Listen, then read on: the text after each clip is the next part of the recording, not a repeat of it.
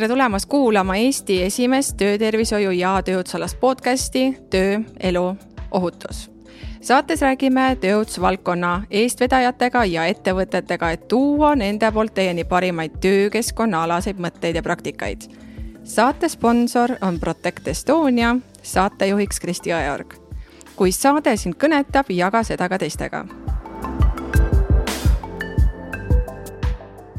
tere, hea kuulaja, tore sind taas kord kohata seal teisel pool.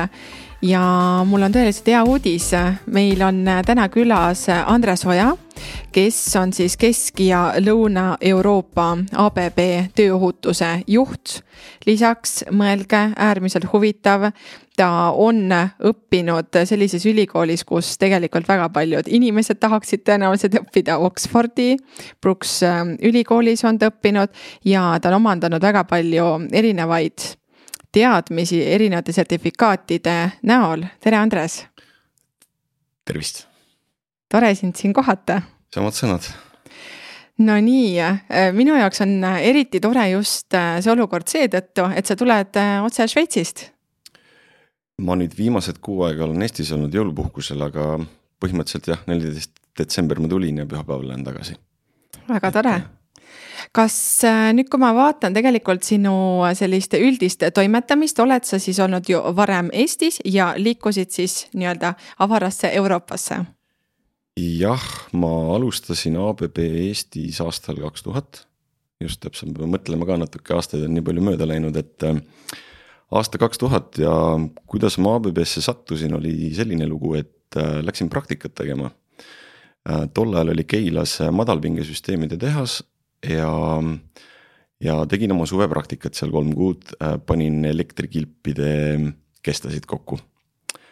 kui praktika sai läbi, siis äkki mingi poolteist kuud hiljem helistati mulle, et Andres, nüüd on sihuke lugu, et kas sa tahad tulla poole kohaga tööle või ma ei mäleta, mis see protsent seal oli täpselt et äh, meil on vaja töökeskkonna spetsialisti. ma muidugi nagu tol ajal ei olnud üldse kursis, et millega tegu on. Mõtlesin natuke, ma ei mäleta, kui moodne tol ajal see guugeldamine oli, et töökeskkonna spetsialist, et mis selle kohta kõike leida oli võib-olla tol ajal internetis, aga. aga kuna ettevõte, noh, ma teadsin, mis ABB on, et rahvusvaheline kontsern, noh, nii palju võib-olla ei teadnud veel tol ajal, aga. siis mõtlesin jah, esimene tööpäev tõenäoliselt oligi, tutvustati mulle siis nii-öelda seda kontorikorrust ja anti mulle tollane töötervishoiu ja tööohutuse seadus lauale, et nii. Hakka lugema, et see on sinu põhimõtteliselt loe läbi ja siis tekitame sulle töökirjelduse.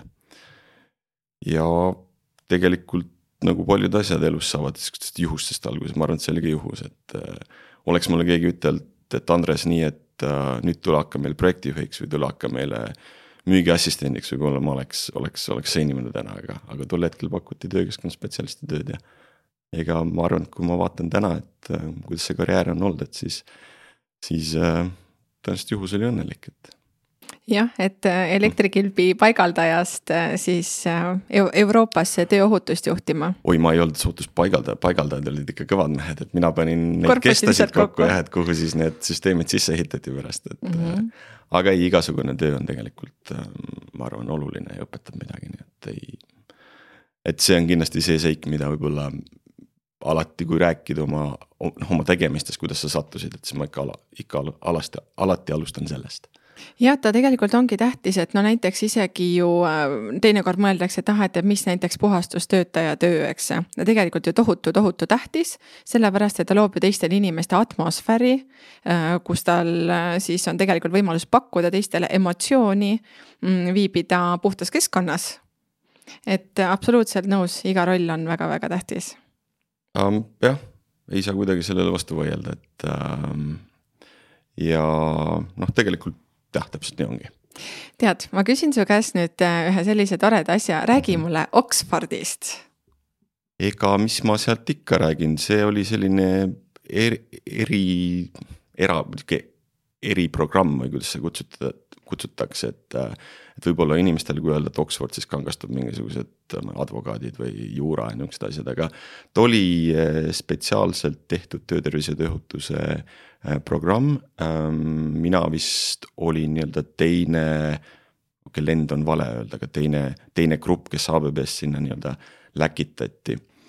ja ega oligi, ta on siis niisugune rahvusvaheline töötervise ja tööohutuse juhtimine, et ähm, ega seal midagi otseselt väga erilist ei olnud, ma arvan, et siin õpetatakse täpselt samu asju, et, ähm, et äh, jah, ma ei teagi, mis seal väga erilist välja tuua, et, äh, et oli küllalt intensiivne selles suhtes, et selle õppeprogrammi raames ähm, äh, pidin küllalt palju ka ringi reisima, et äh, siis noh, see oli jälle ABB, ABB sisene selline otsus, et et äh, olin Hiinas paar nädalat ja Egiptuses ja Prantsusmaal äkki ja et aga noh, see oli selline mm, all, sihuke. Kui ma reisimist alustasin, äh, nüüd kui ma praegu võrdlen, millised reisimisperioodid siin vahepeal on olnud, et siis äh,. aga noh, see oli jälle ettevalmistus, et lähed kuskile no, võõrasse keskkonda ja, ja pead seal midagi toimetama, et ma arvan, et väga paljud Eesti ähm, tööohutusvaldkonnas töötavad inimesed äh, sooviksid sellist äh, kogemuse või ütleme, õppimise baasi, et, et seetõttu on hästi huvitav just kuulata just selles kontekstis, et kuivõrd on ikkagi võimalik õppida tööohutust hoopis teisel tasandil, vaatamata lihtsalt näiteks, mis on Eestis see kakskümmend neli tundi koolitus, mille baasil ju tegelikult ikkagi ei saa ikkagi nii-öelda selliselt spetsialistiks või kuidas sulle tundub? kui me nüüd sellest jah, sellest kahekümne nelja tunnisest baaskoolitusest räägime, et äh, kindlasti ta annab sulle suunised annab sulle aimu, et äh, mis see valdkond endast kujutab.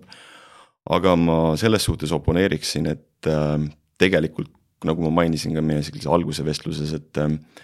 et ma olen näinud, kuidas Eestis tööohutuse valdkonda aetakse need inimesed, kes sellega tegelevad, ma tean, et on on siin ka inimesi olnud, kellega mul on au olnud kunagi koostööd teha ja kes on ikkagi selles vallas äh, minu jaoks äh, autoriteedid kindlasti. et äh, Katrin, Maarjo, et äh, jah, vabandust, tema nimedega tulin mängu, aga. aga mul on hästi-hästi-hästi head mälestused nendega koos töötamisest ja, ja, ja ma arvan tegelikult, et äh, jah, see kakskümmend neli tundi saad oma koolituse. aga see, see kultuur on siin selline, et või see võib-olla eestlase natuur, ma isegi ütleks, et äh, tegelikult aetakse asja äärmise tõsidusega, et kui sul endal motivatsiooni on. kui tööandja tekitab sul selle pinna, kus sa saad nii-öelda ennast teostada, et siis äh, ma julgen küll öelda, et iga või noh, vähemalt need inimesed, keda mina tunnen, kes selles valdkonnas siin tegutsevad. võiks äh, rahulikult kus iganes hakkama saada, noh loomulikult võivad olla erinevad nüansid, mis tulevad seadusandlusest, eks kuskil mujal riigis. aga endiselt ma ütlen, et et ähm, jah, on heal tasemel kindlasti. no näed, minu tore provokatiivne küsimus tegelikult tõestaski just seda mm, tähtsat faktorit, et kui tööandja loob pinnase siis tegelikult ei ole tähtis ükski riigipiir, kus siis äh, tööohutust ajada.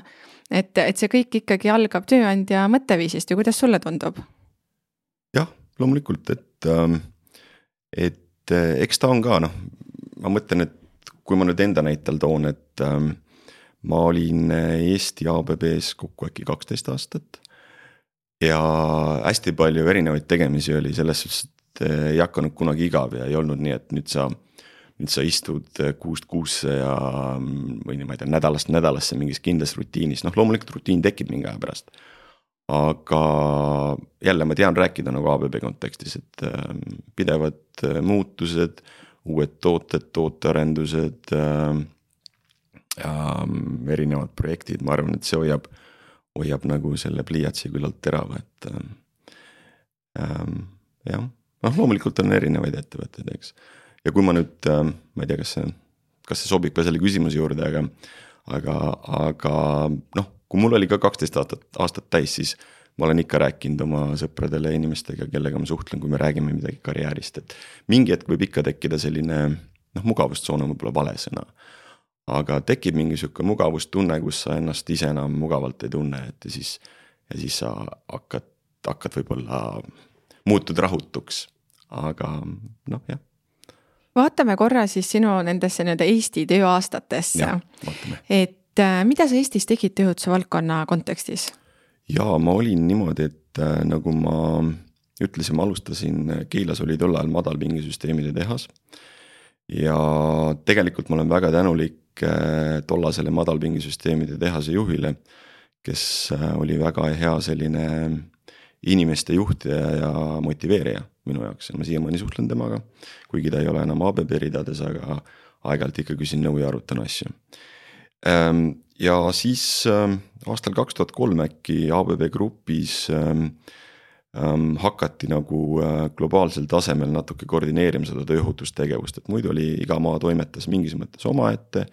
et olge kohalike sõjatasandlusega nii-öelda kooskõlas toimetage aga siis hakati nagu tsentraalselt ka koordineerima, et mingid ühised standardid, ühised nii-öelda, mm, ühised protseduurid äh, paika panema ja siis aastal kaks tuhat kolm ähm, tehti mulle mm, pakkumine võtta siis äh, ABB Eesti tööohutusnõustaja või inglise keeles advisor, et äh, see roll.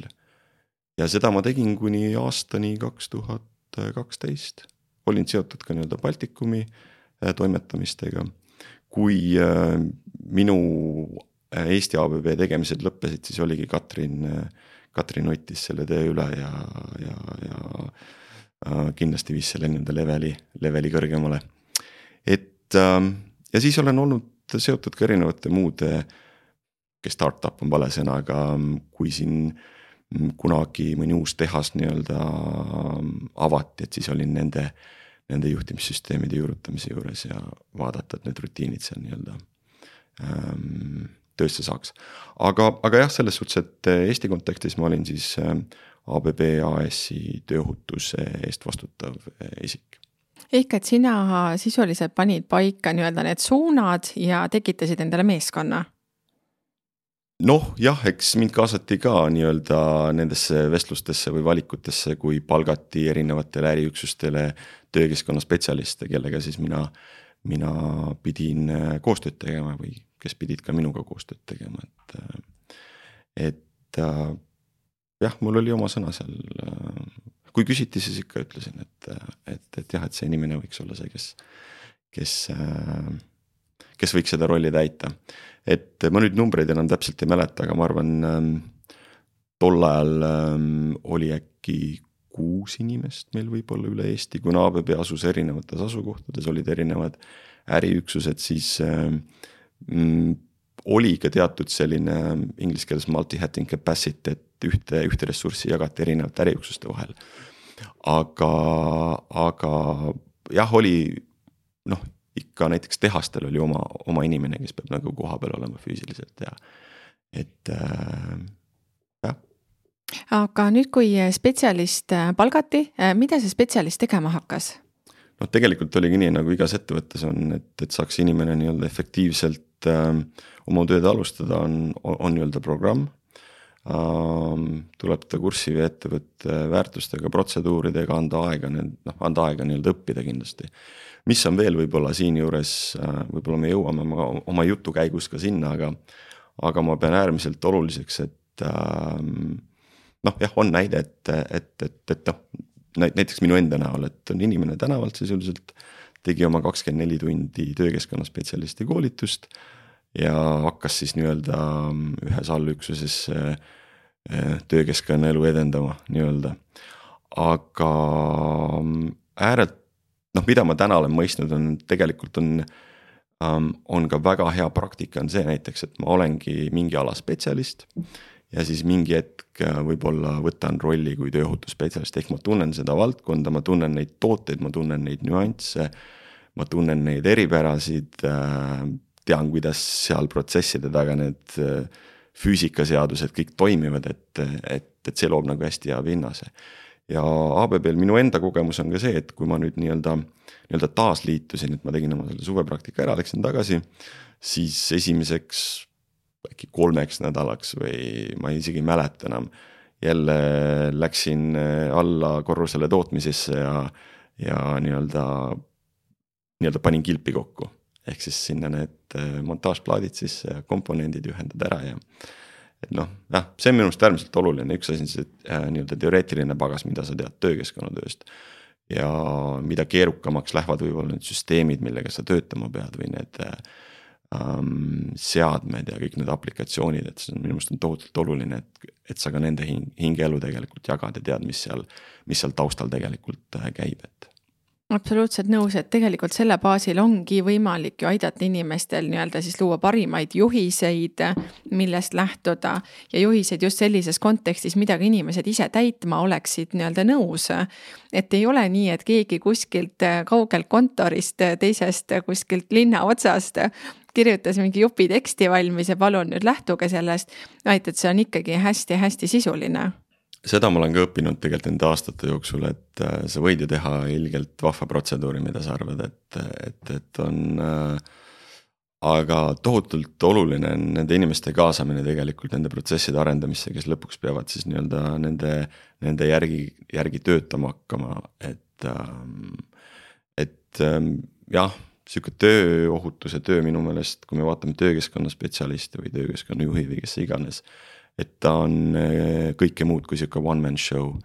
et kindlasti leida erinevaid äh, ja motiveerida erinevaid erialaspetsialiste äh, sinuga koostööd tegema. et ega me keegi ju ei tea kõiki, kõiki kõigest peensusteni, et, et alati on hea, kui sul on sihuke toetav meeskond kõrval absoluutselt nõus. küsin veel ühe sellise küsimuse, mis äh, ikkagi nii-öelda suuresti mängib rolli, on juhtide kaasamine. et, et kuidas ähm, teie siis, äh, no ütleme siis sina tollal oma meeskonda siis ja meeskonna sees ja kogu ettevõtte kontekstis kaasasid juhte, allüksuste juhte, kes tegelikult otse ise ei olnud ei volinik, ei spetsialist vaid tal oli oma meeskond ja tal oli hoopis tegelikult muu roll, et kuidas neid inimesi kaasati? ega siin äh, muud imerohtu ei ole, tegelikult on hästi lihtne, et ähm, alati on oluline teada, miks midagi tehakse. et äh, jälle ma tõin sellesama näite, et sa võid teha mingi ägeda protseduuri, et öelge nüüd järgige seda. aga tegelikult on ääretult oluline nagu mõista anda, milleks me seda teeme, mis sellest äh,, mis sellest saadav kasu on, mida me ennetada võime ja noh, ma ei ole oma natuurilt tegelikult kunagi olnud selline väga ülepeade mineja nii-öelda, ma ei tea, kas on sihuke sõna eesti keeles olemas või sihuke, et. aga et äh, ma olen alati nagu püüdnud need inimesed, kellega ma koostööd teen. kuidagi nagu äh, anda mõista, et ma hindan väga nende panust äh,. ma kuulan nende arvamust ma arvestan sellega ja, ja ma arvan, et samamoodi on ettevõtte juhtidega, et loomulikult, et et meil igalühel on oma roll ja oma vastutus, kas omanike ees või investorite ees või, või, või ma ei tea, tegevjuhi ees võib-olla päeva lõpuks, et aga, aga jah, sihuke leida, leida see noh, ma mainin mit, mitmendat korda seda motivatsiooni, aga, aga noh, nii ta ongi tegelikult, et kuidagi motiveerida neid inimesi sinuga koostööd tegema, et äh, sulle nõu andma ja mm, sind ka vajadusel kuulama ja, ja siis nii-öelda ellu viima see, mida te olete ühiselt otsustanud, et. Andres, aga räägi ja. siis, miks ikkagi tegeleda siis ohutusega, mis kasu siis sellest siiski on? et, et, et mis infoga ja. juhid siis kursis olid, et, et, et miks nad peaksid siis pingutama sellel suunal, et, et mis, mis siis nii-öelda need viljad on, mis sealt siis sünnivad? no lihtne on see, et äh, lähen äh, mina õhtul koju oma pere juurde, lähed sina õhtul koju oma pere juurde ja et äh, noh, ega ongi, siin võid igasuguseid ma ei tea, jälle guugeldad, leiad ägedaid sloganeid, kui paned siis sealt health and safety slogan, et aga noh, tegelikult on ju, on ju väga lihtne, et on, on äh, kaitsta inimesi. noh, siit võid edasi arendada, kaitsta ettevõtte reputatsiooni, kaitsta ettevõtte vara, aga tegelikult äh, ega mis ettevõte on, et ongi ju inimesed päeva lõpus, et äh, kes midagi loovad, kes midagi teevad, kes midagi suunavad, koordineerivad, et, ähm, et ähm, noh, see peakski selle, selle ala motivatsioon olema, ma arvan, et äh, jah ma olen täitsa nõus, et enne kui me podcast'i alustasime, siis ka rääkisime korra just sellest nii-öelda valdkonna üldkäsitlusest. ja, ja paratamatult me ikkagi jõudsime ka tegelikult ju sinna, et ega ta ei kipu olema nüüd mingisugune selline kõige populaarsem valdkond, millega kohe esmalt ähm, tegeleda. et, et kuidas sina seda näed, kas ta tegelikult on, mis tunnetus sul on tekkinud või kuskilt sa oled tunnetanud, et võiks olla teisiti? tegelikult on see, et äh, ma olen niimoodi nii-öelda naljaga pooleks ütelnud ka oma, oma, oma meeskondade siseselt, eks see. eks see töökeskkonna spetsialist või tööohutusjuht või kes sa parasjagu oled, oled ka sihuke oma, omamoodi müügimees oma ettevõtte siseselt, eks. et see teema nii-öelda okei okay,, maha müüa, see kõlab natukene siukselt mitte kõige paremini, aga. Aga jällegi noh, et panna inimesed mõistma, miks see vajalik on. aga kui ma nüüd vaatan, et mis need, mis need, mis need suunad on. et ma olen ise ka siin äh, omakeskis mõtelnud, et tihtipeale, kui me räägime töötervishoid ja tööohutus siis äh, veel mõni aasta tagasi ikkagi väga palju nii-öelda domineeris tööohutus. mis on ka võib-olla ühest küljest arusaadav, et kui tööohutuses tekib mingisugune, mingi kõrvalekalle, siis sa selle nii-öelda vilju saad äh, kohe maitsta, midagi läheb valesti.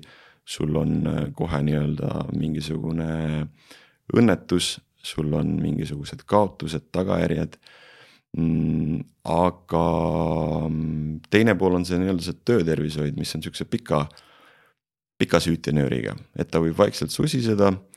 ja kui siis see süütenöör ära, ära põleb, et siis sa näed selle, selle tagajärgi, et äh, ma olen seda ka oma tänases kontekstis, nagu ma ütlesin, päris palju arutanud, et, et mida ma näen, on see, et tõenäoliselt see töö, tööohutuse osakaal kindlasti suureneb, see on fakt. et pööratakse ka nendele okei okay,, tervislikel aspektidel, see on hästi-hästi lihtsustatult öeldud. et äh, rohkem tähelepanu ja ma arvan, et inimeste teadlikkus ka selles vallas äh, järjest enam ja enam tõuseb, et. Äh, et see on see suund, kuhu me, kuhu me liigume, ma arvan jah, et. väga põnev, et ma ise ka hästi näen asja nii-öelda samas taktis, et ta kasvab aga on veel selliseid nii-öelda äh, hallimaid alasid, aga just, et see, et mujal kasvab, katab ka nii-öelda seda halli ala nii-öelda värviga et ta nii-öelda muutub tähtsamaks ja inimesed ise hakkavad tegelikult leidma endas rohkem motivatsiooni, et tahta olla terve, sest et minna jalgpalli mängima õhtul, eks. või et tahta olla terve, mm, nagu minu emagi tead, ronib minu lastega puu otsas. et kui temal peaks olema jalaluu murd, siis tema oleks kurb, et, et see sisemine nii-öelda väärtus kasvab, mulle tundub jah, ma nüüd võib-olla oma eelmises selles ütlesin nagu natuke niisugusest tööandja kontekstist, aga tegelikult on ju alati vaja kahte inimest, et, et nii-öelda tangot tantsida. et samas on ka see, et äh, töötajates peab samamoodi nagu tekkima see arusaam, et, et üks asi on, millised regulatsioonid või millised mehhanismid on tööandja poolt. et mismoodi töötajate äh, töötervishoiualast olukorda kas parandada või säilitada. ja nende teadlikkust tõsta ja teine pool on kindlasti, et mida töötaja ise saab teha, et äh, nii-öelda mm, kõik, mis toimub väljaspool nii-öelda kaheksast viieni, et äh, ikka Maarja ütles hästi toredasti, et tööohutus hakkab peale kella viite pihta. et sisuliselt, kui plats on puhas, juhte ei ole ja nüüd, kui mõni juht korra satub majja tagasi ja näeb, milline on see käitumismall, see on siis reaalsus no Maarja on tark mees, et tema jah, öeldut tasub uskuda, nii see on jah, nii et, et see peab vette. aga korra veel Eesti kontekstis, et, et kuidas teie Eestis töötajaid nii-öelda teavitasite, motiveerisite, et nende nii-öelda seda sisemist miks'i kasvatada, miks tegeleda ohutusega? noh, olid samamoodi nii-öelda need uue töötaja programmid, olid erinevad infopäevad erinevad äh, nii-öelda kaasamisprogrammid, äh, mis alguses võib-olla läksid vaevalisemalt käima, nagu on siis. kuidas ta on nii-öelda standardikeeles on need täna peaaegu juhtunud õnnetused või vahejuhtumid mm. -hmm. Nende registreerimine, nende lahendamisse kaasamine. ja eks ta nii käib, et kindlasti tuleb ära, ära kasutada ka nii-öelda, nii-öelda seda line management'i, kes on tihtipeale töötajatele see võib-olla isegi autoriteetsem, eks, et kui tema ütleb, et siis järelikult see on õige, et. et äh, jah, niimoodi, niimoodi ta käib, et äh, erinevad, erinevad juhtimistasandid, ma arvan, peavad sinna panustama, et üks asi on see töökeskkonna spetsialist ja siis on otsesed juhid ja, ja, ja võib-olla mm, üksuse juhid ja nii et koostöö küsimus äh, igatahes. ja mul natuke isegi tundus, äh, kui sa nüüd nii-öelda sõnastasid, no ma ise ja. õpin ka tead terapeudiks praegu, et tead, sa siin kuula, kuulad iga kandi pealt. et tegelikult mainisid ühte hästi äh, tähtsat asja, et nii-öelda see line manager, eks. ehk et, et tihti lähedal seisev inimene, kes tunnebki protsesse, keda saab justkui usaldada, kes teab, mida räägib ja tal on kogemuslik taust. et tihti teda tõesti usaldataksegi ka ohutuses, sellepärast et tema on justkui nii-öelda see oma inimene, et ei ole keegi kuskilt kaugel, kes kuskilt targutab justkui. vaid et tema räägib justkui nagu asjast. et siit kohalt võib-olla ongi kuulajale ka mõte, et kes on teil need inimesed tegelikult, kes on töötajale lähedal, kes saaks anda seda ohutuse sõnumit paremini edasi, võib-olla spetsialisti asemel? Neid tasub kindlasti rakendada ka selle vankri, et, et jah, teeb teie enda tööd kindlasti lihtsamaks või tõhusamaks Mm -hmm. no nii, lähme nüüd üle piiri ja praegu koroona ajal me nii-öelda vabalt niisama ei saa üle piiri minna, aga praegu siin podcast'is saame üle piiri sõita. saame minna vabalt jah. no nii, aga lähmegi siis äh, nüüd sinu praegusesse nii-öelda töö konteksti. räägi, mida sa siis äh, praegu teed ja kus sa teed ja, ja jah, mis sa teed seal? ja minu roll on täna endiselt ilmselgelt tööohutusega seotud, aga jah nagu ma vist ka juba mainisin siin enne, et aastal kaks tuhat kaksteist ähm, ähm, tekkis võimalus ennast katsetada siis äh, konkreetselt Šveitsis, kus asub KBB peakontor ja erinevad äriüksused, mis on ka Eestis esindatud nii-öelda. ja siis ähm, äh, ma jah, sattusin, meil on neli äh, ärivaldkonda ehk siis on elektrifitseerimine, tööstusautomaatika, motion, mis tegeleb erinevate mootorite, ajamite äh, valmistamisega ja, ja siis robotid. ja mina siis äh, siirdusin siit tööstusautomaatika ärivaldkonda. ja minu roll, ma läksin jälle samamoodi, et ähm, ma läksin tegelikult ainult ühe osakonna äh, tööohutuse ja kvaliteedi ma ei tea, juhiks või spetsialistiks, ehk siis üks osakond äh, minu praeguses nii-öelda üksuses e,. mõtlesin, et võtan rahulikult nokitsena, toimetan, aga siis paar-kolm aastat läks vist äkki mööda või neli aastat. siis e, tehti mulle,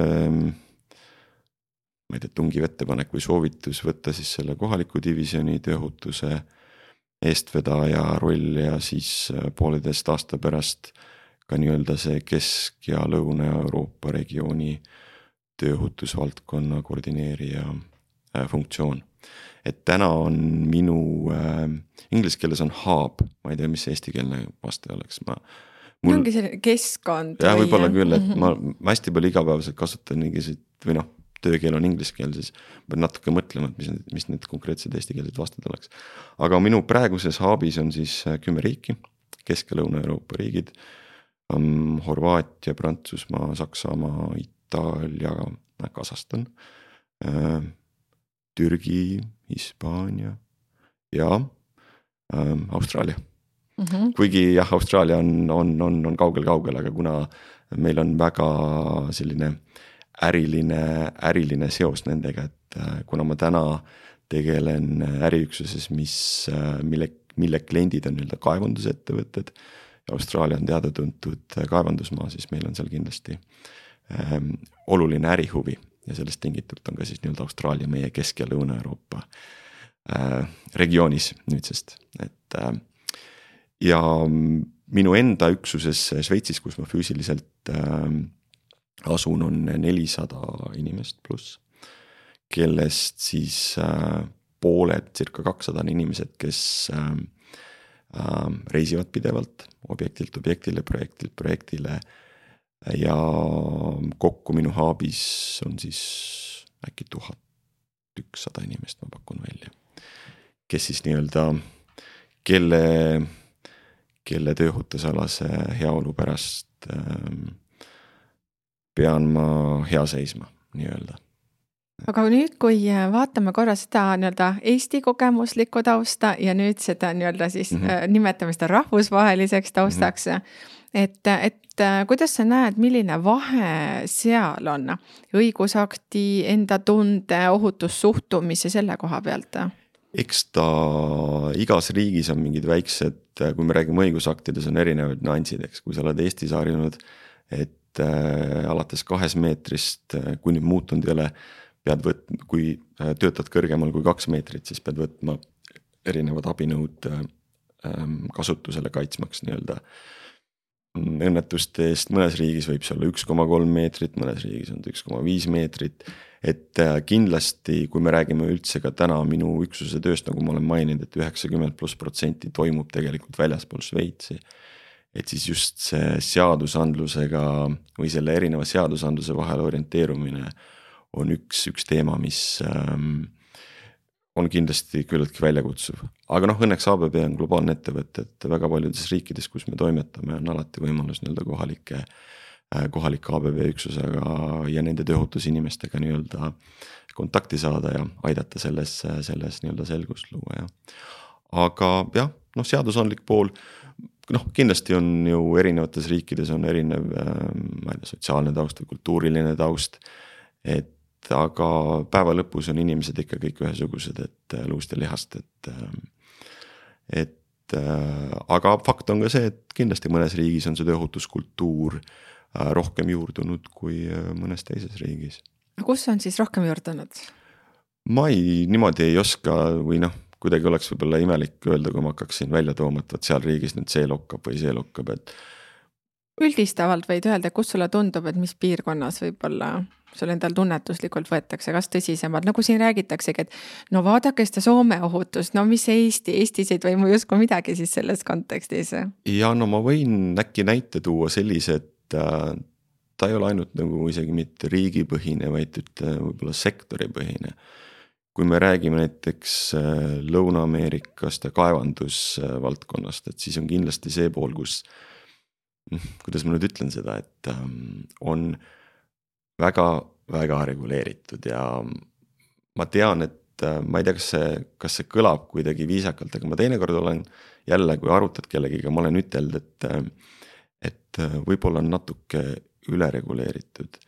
et ja mida ma mõtlen sellega on, et on ähm, hästi palju erinevaid nii-öelda, nii-öelda protseduure. inimesed ähm, on nii-öelda programmeeritud, et kõik, mis on paberil kirjas, see ka niimoodi on. kui mulle, kui mul on öeldud, et ma pean tegema riskianalüüsi enne töö, enne tööd kaks tundi, siis ma teen kaks tundi, kui ma saan ta pooleteist tunniga valmis, siis ma ikkagi pean tegelikult kaks tundi tegema. et äh, seal ma olen vahel nagu, ma ütleks naljatanud, aga kuidagi või mitte naljatanud, aga ääretult oluline on see, et sa ei võta inimestelt ära otsustamisjulgust ja seda otsustamise võimet, et kui sa loodad ainult paberile ja ainult mida keegi kuskil on kirjutanud, et siis see võib ka teistpidi nii-öelda äh, ohtlik olla, kuigi noh, jälle ma saan aru nagu ajalooliselt, et kaevandusettevõtted on tegelikult väga, väga mm, sellised kõrge riski, riskiprofiiliga ettevõtmine, kui nii, et eks, eks seal on ajalugu ka taga, miks täna nii on, aga, aga noh, jah, eks ikka on neid, neid situatsioone ka olnud, kus mõni klient võib-olla tõlgendab, tõlgendab äh, natukene lihtsamalt mõnda nõuet. aga noh, me oleme enda jaoks selle tegelikult nii lahendanud, et kui me, kui ma enne rääkisin ka, et ABB grupi tasandil hakati tööohutust koordineerima. et äh, noh, meil on täna ka nii, et tegelikult ABB grupi tasandil on ikka kokku lepitud, mis on meie miinimumnõuded äh, ja miinimumstandardid ja kui meie kliendid näiteks, meie klientidel on kõrgemad standardid, äh, siis meie kohustus on neid järgida. ja kui meie klientidel mõni äh, nõue on võib-olla natukene ähm, lihtsamalt käsitletud, kui meie, meie seda ette näeme, siis on meil ikkagi reegel jah, et siis, siis äh, ABB on, ABB nõuded on miinimum meie puhul ehk et tegelikult kõikidele teistele ka ja kuulajatele siis, et tegelikult tasubki endale nii-öelda see nullpunkt äh, paika panna.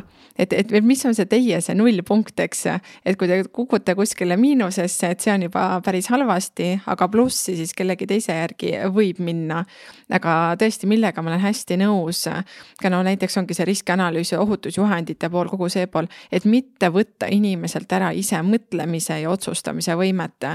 et äh, tegelikult väga tihti ju õnnetused juhtuvad üllatuslikult, et, et mõnikord nad nii-öelda justkui hüüavad ette, et me tegelikult ju näeme, et tegelikult seal on õnnetuspotentsiaal on olemas, lihtsalt keegi ei reageeri.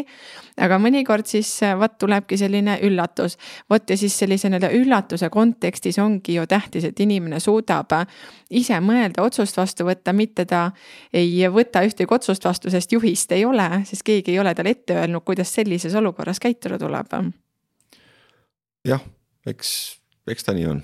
Et äh, aga jah, nagu ma ütlesin, et ma nagu otseselt ühtegi, mul ei ole nagu seda kogemust olnud, et, et, et, et, et nagu mõnes riigis oleks sihuke, et üldse ei loe või mõne kliendi juures üldse ei loe, et, et noh, seda kindlasti ei ole, ma arvan, et see segment, kus minu äh,, minu division täna tegutseb, ikkagi nõuab seda, et sul on ähm, pigem rangelt ja selgelt on need äh,, on need, on need protsessid paigas, kui me tööohutusest räägime no praegu, kui me räägime üleriigilisest tööst, siis me räägime ka ju kodukontorist, nii-öelda kaugtööst. kuidas teie täna seda korraldate, et eriti ju sinu puhul tegelikult on see väga tähtis komponent, et sa ei saa kohe olla täna Kambodžas kohal või kuskil Austraalias kohal. Et ja samas sa pead inimestega suhtlema ja ikkagi nii-öelda see töö peab käima ja kohati ikka ju inimesed peavad ka nendes riikides kodus olema, et et millised on sinu kogemused just nii-öelda nendel suundadel? noh, tegelikult kui ma vaatangi jälle oma äriüksuse sellist äh, või oma, oma divisjoni tegevusmudeleid, siis meil, meil ongi tegelikult üks suur kaugtöö, et meil hästi palju inimesed reisivad ähm,. on nii-öelda klientide juures, on objektidel, projektidel, et, äh, et otseselt selles kaugtöös midagi uut ei ole, noh loomulikult, kui me vaatame sellist, äh, näiteks saab öelda kontori poolt, et. et see on endiselt harjumatu, et Ähm, üks hetk on sul kontor, kus sul on äh, kolm-nelisada inimest võib-olla kohal ja järgmisel hetkel on võib-olla kümme seal, eks toimetab, et. ma mainisin ka meie mitte salvestatud vestluse käigus, et ma arvan, et selle praeguse mm, kaugtöö kontseptsiooni mõjusid me näeme veidikese aja pärast. Mismoodi see meie töökultuuri mõjutab, mismoodi see mõjutab võib-olla ettevõtete käekäiku, ma ei tea, inimeste motivatsiooni inimeste äh, psühholoogilist poolt. et eks me kõik oleme sotsiaalsed olevused ja, ja, ja me rääkisime ka sellest, et tegelikult äh, on need, kellel on head töötingimused võib-olla kodus, et ta saabki seal ukse kinni tõmmata ja tal on seal kirjutuslaud ja tal on tool, mida reguleerida saab.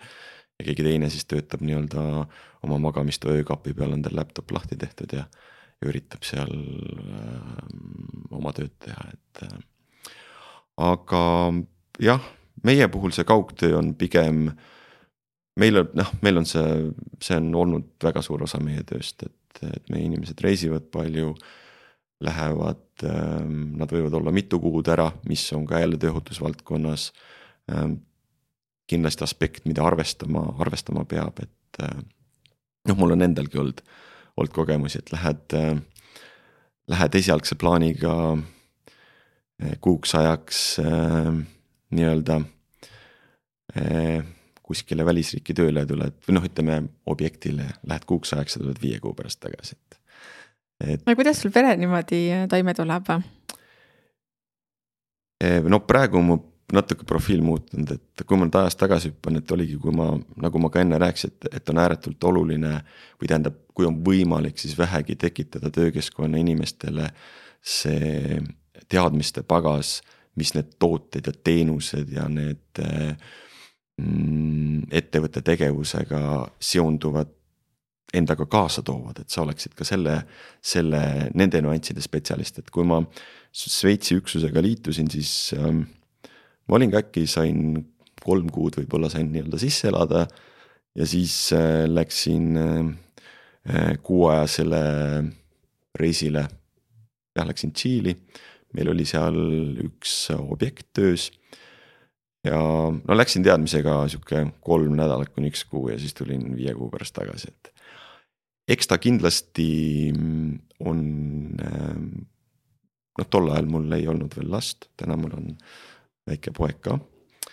täna oleks kindlasti palju keerulisem, aga jah, et kui ma ka vaatan neid inimesi, kes meil täna väga intensiivselt reisivad ja võib-olla samasugustes situatsioonides, et on ikkagi nädalaid ja kuid ära, et on pereinimesi ja on ka inimesi, kellel siis oma elukorralduse tõttu võib-olla ei olegi peret tekkinud, aga, või on see nende teadlik valik olnud.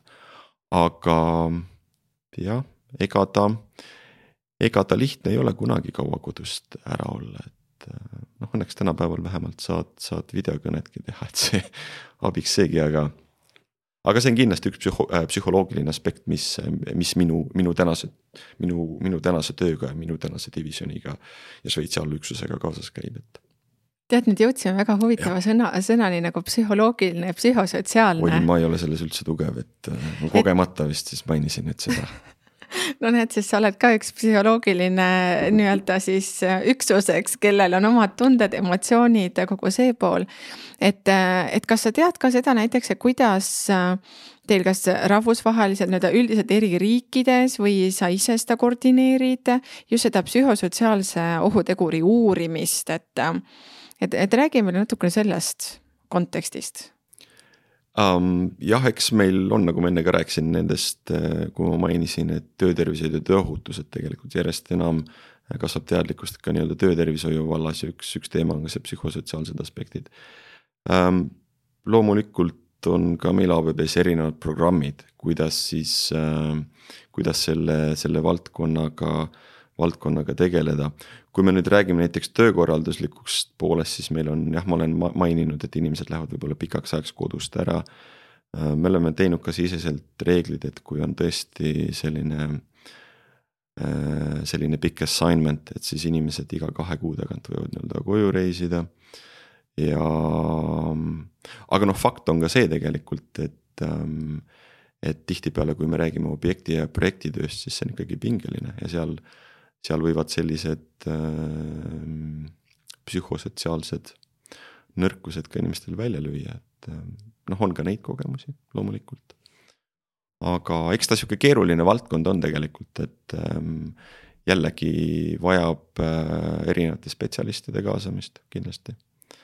ja noh, nii ta on täpselt. aga oskad sa tuua näiteks nii-öelda riik riikide nii-öelda lõikes, kasvõi noh, piirkonnad või mingil moel. et kus sa oled märganud, et midagi on sellist nii-öelda, nii-öelda nagu top kolm teemad või äh, et noh, nii-öelda, et mingi, mingisugused valdkonnad või teemad või ametikohad, et, et kus on mingisuguseid selliseid pingeid rohkem või, või on vastutusega kaasnevad pinged näiteks ja kuidas te sellega tegelenud olete? ma arvan, et tegelikult ähm pingeid on kõigil, mis iganes tööd sa teed, ma arvan, et ei saa öelda, et üks töökoht on rohkem pingeline, noh, võib-olla mingi vastutuse erinevus, eks, et aga.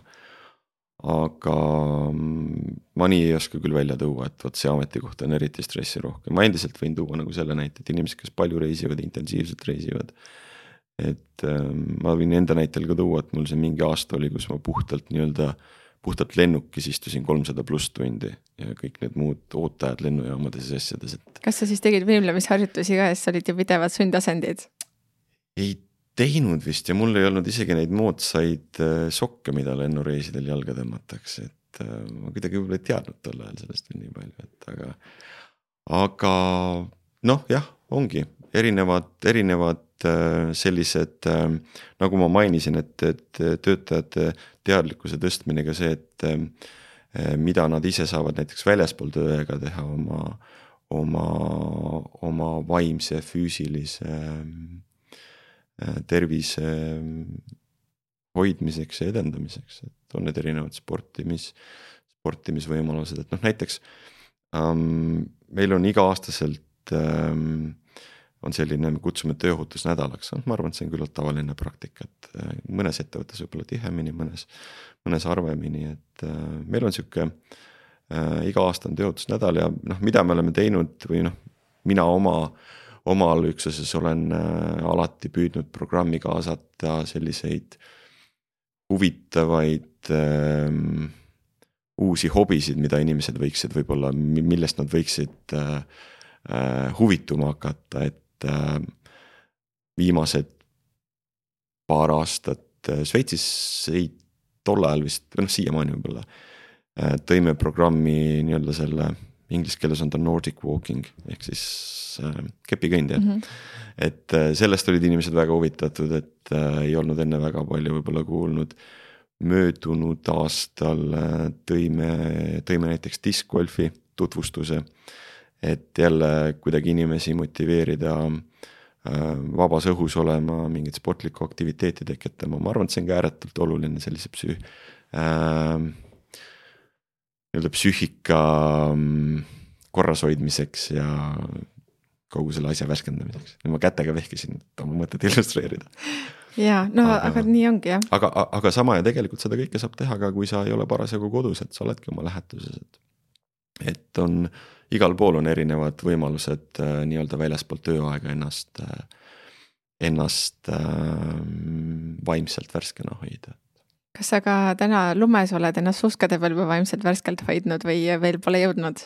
ei ole, ma suusatasin viimane kord äh, möödunud talvel küll mäesuusaga, ma tegelikult ei ole üldse hea suusataja, et sõidan ma allamäge või sõidan ma, sõidan ma lihtsalt horisontaalselt, aga ei, ma ei ole suusatanud küll jah, praegu, et ma loodan, et mul laps natuke kasvab, siis ma saan kelgutama hakata jälle, et no vot, et vähemalt saab niimoodi lumemõnusid nautida. aga kui siin rääkida sellisest üleüldisest, no näiteks ähm, nii-öelda riskijuhtimisest. et, et kas teil on selline ka selline, kas tsentraliseeritud mingil kujul ja siis kohal nii-öelda lokaliseeritud lähenemine. et, et kuidas siis neid üldiseid riske juhtida? just, no meil praegu on, ütleme jah, et meil on ka nii-öelda ABB Grupi poolt või noh, täna siis ütleme nii-öelda divisjoni poolt mm, ette nähtud soovituslik metoodika, mida me nii-öelda riskide analüüsimiseks ja hindamiseks äh, peaksime kasutama või noh, võiksime kasutada. aga jah, väga palju oleneb ikkagi nii-öelda konkreetse divisjoni või üksuse spetsiifikast, et äh, sul võib olla mingeid täiendavaid nüansse äh, mängu tuua. et kuidas mina oma tänases äriüksuses oleme toimetanud, ehk siis me teame, mis on need erinevad tooted ja teenused, millega me toimetame Äh, me oleme, me kutsume neid selliseid, kutsume neid eel, äh, eelvalmistatud või eeltoodetud, pre-prepared mm -hmm. riskianalüüsid. ja ehk siis me saame veel hästi palju tööd ära teha, vot meil on selline toode, tema, tema töösse panek või installeerimine sellised tegevused on vajalikud, teeme selle riskianalüüsi, kui meil järgmis, järgmine kord on vaja, siis meil on juba tegelikult mingi mustand olemas, et me ei pea hakkama jalgratast äh, leiutama. samamoodi selle riskianalüüsiga on, nagu ma ka enne mainisin, et äh, kõige kehvem variant riskianalüüsi puhul on see, et, et, et, et istub, istub töökeskkonna spetsialist või töökeskkonna juht laua taha maha ja kukub riskianalüüsi tegema. et ma arvan, et, et, et selle viljad ei ole eriti, eriti ma ei tea. magusad. no magusad või viljakad, noh et, et vähe vilja tõenäoliselt, et mm, -hmm. et, et mida mina ka oma tänase tööpraktika juurest ikkagi tuleb spetsialiste, spetsialiste kaasata, et kes tunneb toodet, kes tunneb teenust, kes tunneb keskkonda. Minu äriüksuse puhul täna on ka see, et tegelikult me või, mitte võime, aga me töötame küllaltki äärmuslikes keskkonnatingimustes mis ähm, jah, mis ähm, on ka osa meie riskianalüüsist, kuhu on kaasatud siis nii-öelda ähm, meditsiini valdkond. Ja jah, meil see spekter on küllalt lai, ütleme, et kui ma vaatan meie, meie, meie tegevuse natuuri, siis ma arvan, et jah, valdavalt kõik riskid on esindatud jah, et ehk et äh, lühikokkuvõte, kas ma saan õigesti aru, teil on oma metoodika, mida te soovitate siis nii-öelda lokaalsel tasandil. ja lokaalsel tasandil siis igaüks nii-öelda seda metoodikat äh, kohandab, aga kusjuures kaasab alati ametikoha, töökohaga, tööprotsessidega, kogu nii-öelda selle poolega erinevaid spetsialiste, et luua see nii-öelda täis nii-öelda mm, komplektne riskianalüüs, et kõik nüansid oleksid siis läbi käidud. just, minu jaoks on ta kindlasti puht puhtalt äh, sihuke meeskonnatöö, et, äh, et ma arvan, siis tuleb sealt kõige parem, kõige, kõige parem tulemus ka um,. kui me enne korraks nüüd jälle riskianalüüsi tagasi, riskianalüüsi, analüüsi juurde tagasi tulles, et um, ja enne rääkisime ka nii-öelda seadusandlusest, siis on, on ka teada, et mm, et äh, mõnes riigis on ette kirjeldatud, mismoodi riskianalüüs peaks välja nägema või kuidas seda teha tuleb tihtipeale on ka meie klientidel oma nägemus sellest, et seal tuleb ka, äh, kui mainin, et ABV-l on oma standard, et, äh, et et seal tuleb ka kindlasti aeg-ajalt sihukest sünergiat otsida, et mõni klient ütleb, et kui sa toimetad minu projektil, siis sa pead kasutama minu äh, riskianalüüsi äh, metoodikat mm. -hmm. et seega jällegi see kaasamõtlemine ja see analüüsimise ja see mõtlemise oskus, et näiteks kasutades ise ühte metoodikat, teisel on teine metoodika. et, et kui sa näed näiteks teise metoodika puhul mingisuguseid asju, mida ise õppida, saad endale juurde lisada või teine asi. kui sa näed puudusi, et sa oskad nad nii-öelda ära seletada, et miks teatud metoodika võib-olla, võib-olla natukene puudulik, et ta näiteks ei anna seda nii-öelda riskianalüüsi tulemust eks see, eks see dialoog tuleb alati nii-öelda selleks valmis olla ja, ja, ja nii-öelda sellele avatud olla, et, et kui me vaatame ka noh, üldse, kui me räägime sellisest nii-öelda projektiärist, et ähm, et seal on ju äärmiselt oluline on oma klientidega nii-öelda eelnevalt äh, asjad omavahel läbi rääkida. et äh, millised on nende ootused, millised on meie ootused, millised on meie võimalused ja millised on nende võimalused. et et äh, kui me räägime mingisugusest tüüpilisest objektist, et siis ei ole ka väga selline mm, edasiviiv, äh, edasiviiv mõtteviis, et iga, iga, iga projektis osaline läheb puhtalt nii-öelda oma, oma sellise agendaga sinna peale, et äh, ikkagi puhtalt jälle koostöö, et arutelu, et, et oleks selline maksimaalne nii-öelda mm, positiivne ühisosa, eks. no meie mm -hmm. puhul on tegelikult see äärmiselt oluline, et et, just sellises enne, enne kui me näiteks ka kliendile jah-sõna ütleme või oma nii-öelda toote või teenuse maha müüme, et meil on need aspektid selgeks tehtud, et pärast mingeid üllatusi ei tuleks, et ühe poole ootused olid, olid tööohutuse koha pealt hoopis teistsugused võib-olla, et et jah, need asjad tuleb kõik enne omavahel selgeks. ehk et meil siin Eestis nii-öelda see töötervishoiutöötuse seaduse paragrahv kaksteist, kus on ühistöö kokkulepe. et, et sisuliselt see ongi justkui see nii-öelda ühistöö, et pannakse paika ootused. nii lepingulisel tasandil räägitakse läbi, et kõik on tegelikult läbi räägitud objekti nii-öelda kontekstis, et ei saa olla. seda poolt, kus keegi ütleb, et oi, aga seda me ei teadnud või seda me lihtsalt ei tee, eks. jah, eks me tänapäeval äh sihuke nali on, ma ei tea, kas seda on, on paslik öelda, aga ähm,. kuskilt ma olen kuulnud, et kui kunagi oli, oli projekti koosolek, et siis oli üheksa inseneri ümber laua ja üks jurist, et nüüd on üheksa juristi ja üks insener, et.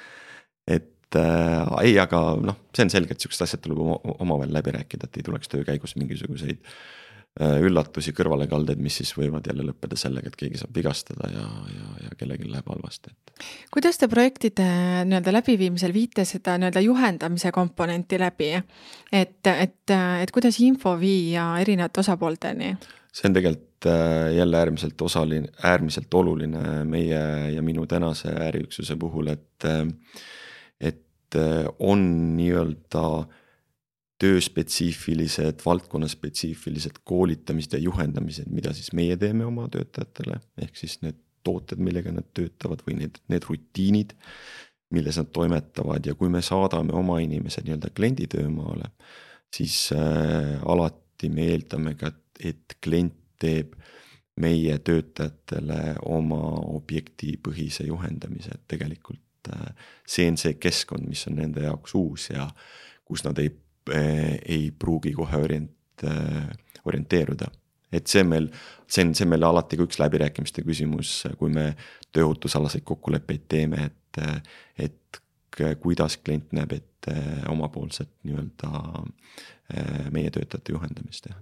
aga kas vaatate kuidagi seda kvaliteedi nii-öelda aspekti ka seal, et millest räägitakse, kuidas räägitakse, et see info päriselt jõuaks ka sellises kvaliteedis teie inimeseni nagu vaja? Olen erinevaid praktikaid näinud ähm,. on mõni klient on selline, kus see objektipõhine juhendamine võib võtta aega viis päeva. mis siis jälle teinekord objektimeeskonnas tekitab võib-olla sihukest, et kuulge, tahaks tööle asuda.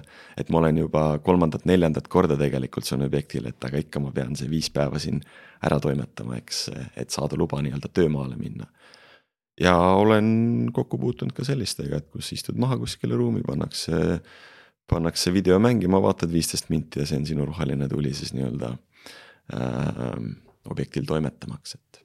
aga mis noh, sina arvad, kus see tõde seal vahel on? aga nagu sa ütlesid, et ma arvan, see tõde ongi seal, seal vahepeal kuskil, et ähm, mul on ausalt öeldes komme uskuda, et inimesed teevad kõik oma, oma parimas ja heas usus, et kui ma näen, et, et meie klient või koostööpartner ähm, nagu on ette näinud, et see võib-olla ongi kolm-neli-viis päeva. kui seal on see oluline ähm, info olemas, kui nad suudavad inimeste tähelepanu äh, saada ja hoida, siis äh, jah, ma arvan, noh, võib-olla jah, sa võid rääkida, et võib-olla viis päeva on palju, et äkki, äkki saaks kolmega, et tegelikult me oleme kõike seda võib-olla kuulnud, aga.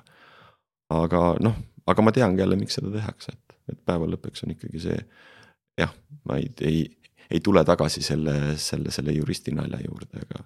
aga ma usun, et seda ikkagi tehakse selleks, et nii-öelda inimesi nii-öelda nende äh, varitseda võivate ohtude eest kaitsta ja ma arvan, et seda peab hindama minu arust isegi see regulaarne juhendamine või tehagi mitu ja. korda seda viiepäevast läbi ei ole halb.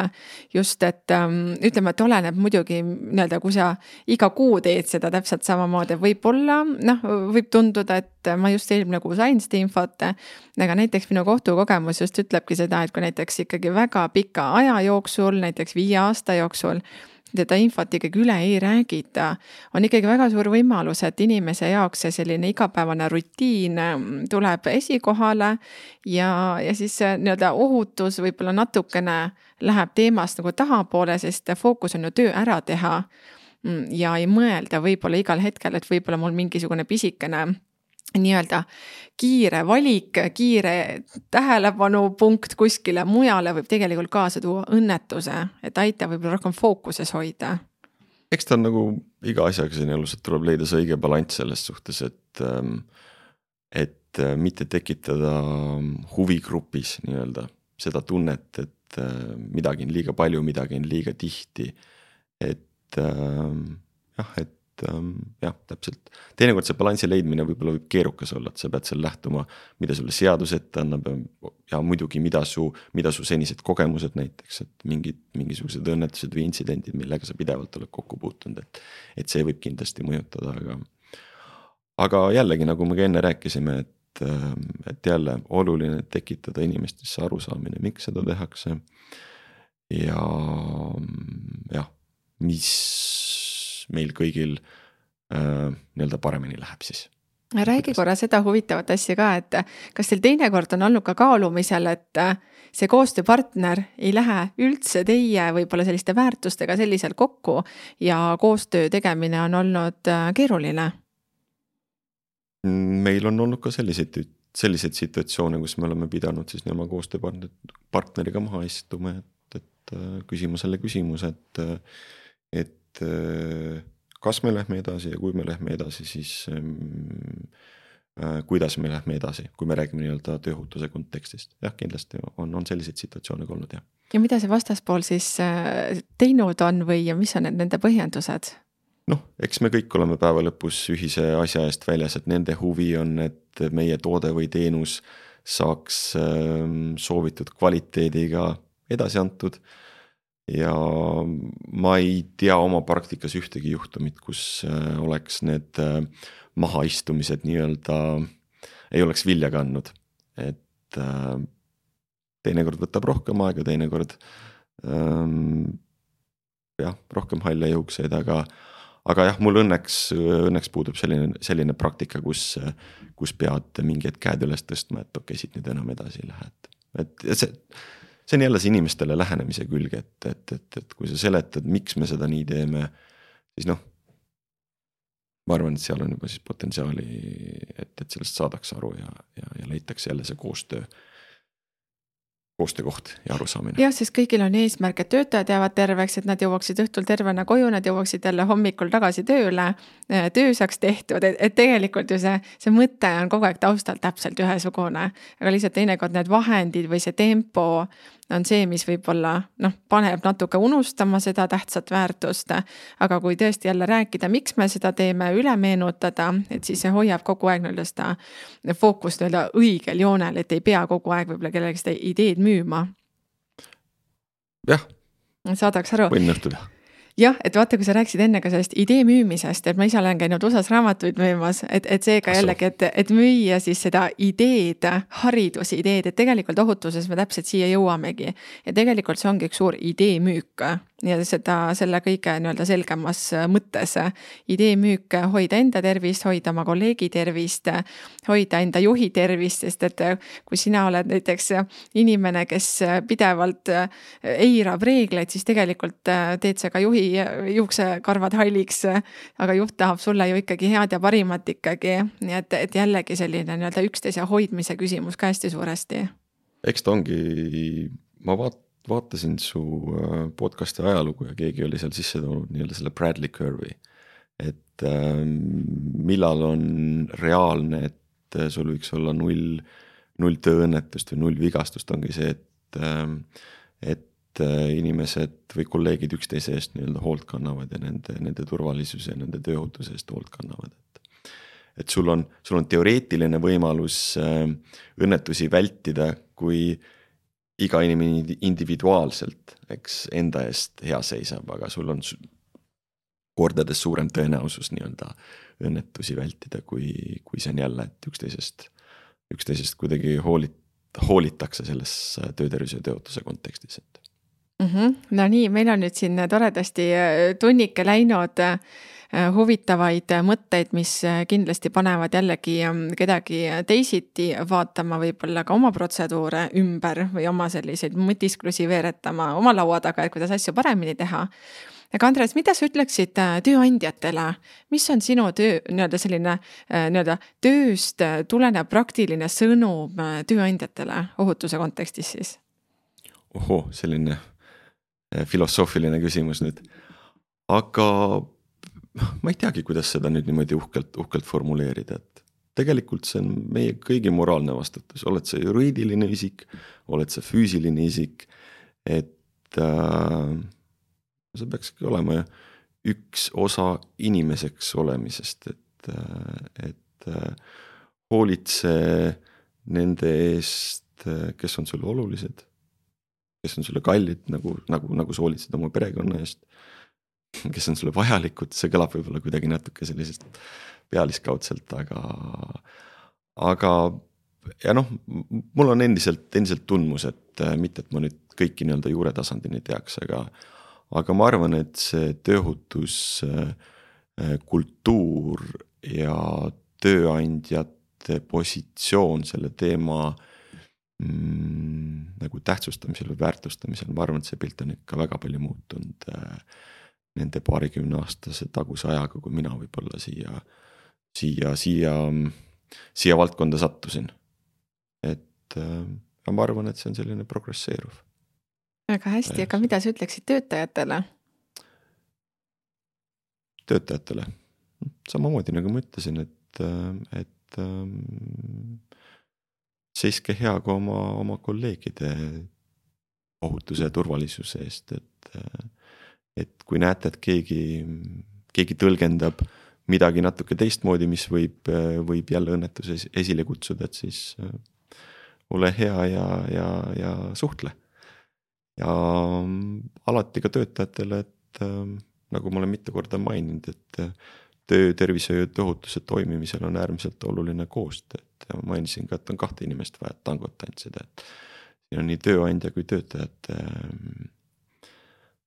äh, tahe koos toimetada selles valdkonnas, et, äh, et töökeskkonna spetsialist või töökeskkonna juht siis on nii-öelda see teatud mõttes dirigent, et kes üritab seda ansamblit siis nii-öelda ühte sammu, sammu käima panna, et minu arust väga kaunis lõpp, nii et, et no mina tean, teeme nii, et ma praegu tean, et oli okay,, oli väga hea lõpp. et tõesti, tango, koostöö mm,, töökeskkonna juhiga koostöö, juhtidega koostöö. et see kõik ongi tegelikult üks, üks tähtis koostöö ja siis tegelikult jäävad inimesed terveks ja saab ettevõtte majanduslikku edu täpselt samamoodi. Andres. ega siin mingit, ma arvan, muud võluvitsa ei olegi, et, et äh ole jah, ole inimeste jaoks olemas ja, ja ma arvan, et, et nii see toimibki super, suur aitäh, et sa tulid äh, oma nii-öelda äh, hetke enda e-, Eestis viibitud ajast äh, siia investeerisid. ja head kuulajad, suur aitäh teile, et kuulasite ja vast mine sa tea, võib-olla kuuleme Andrest veel tulevikus. jah, nüüd on mingi kogemus käes, et sihuke mikrofoni hirm on ära võetud, et, et aitäh kutsumast. kindlasti ei ei kahetse, et see, et see aeg siia laua taha sai jäetud, et tänud sulle ka. suur aitäh teile. tänud, nägemist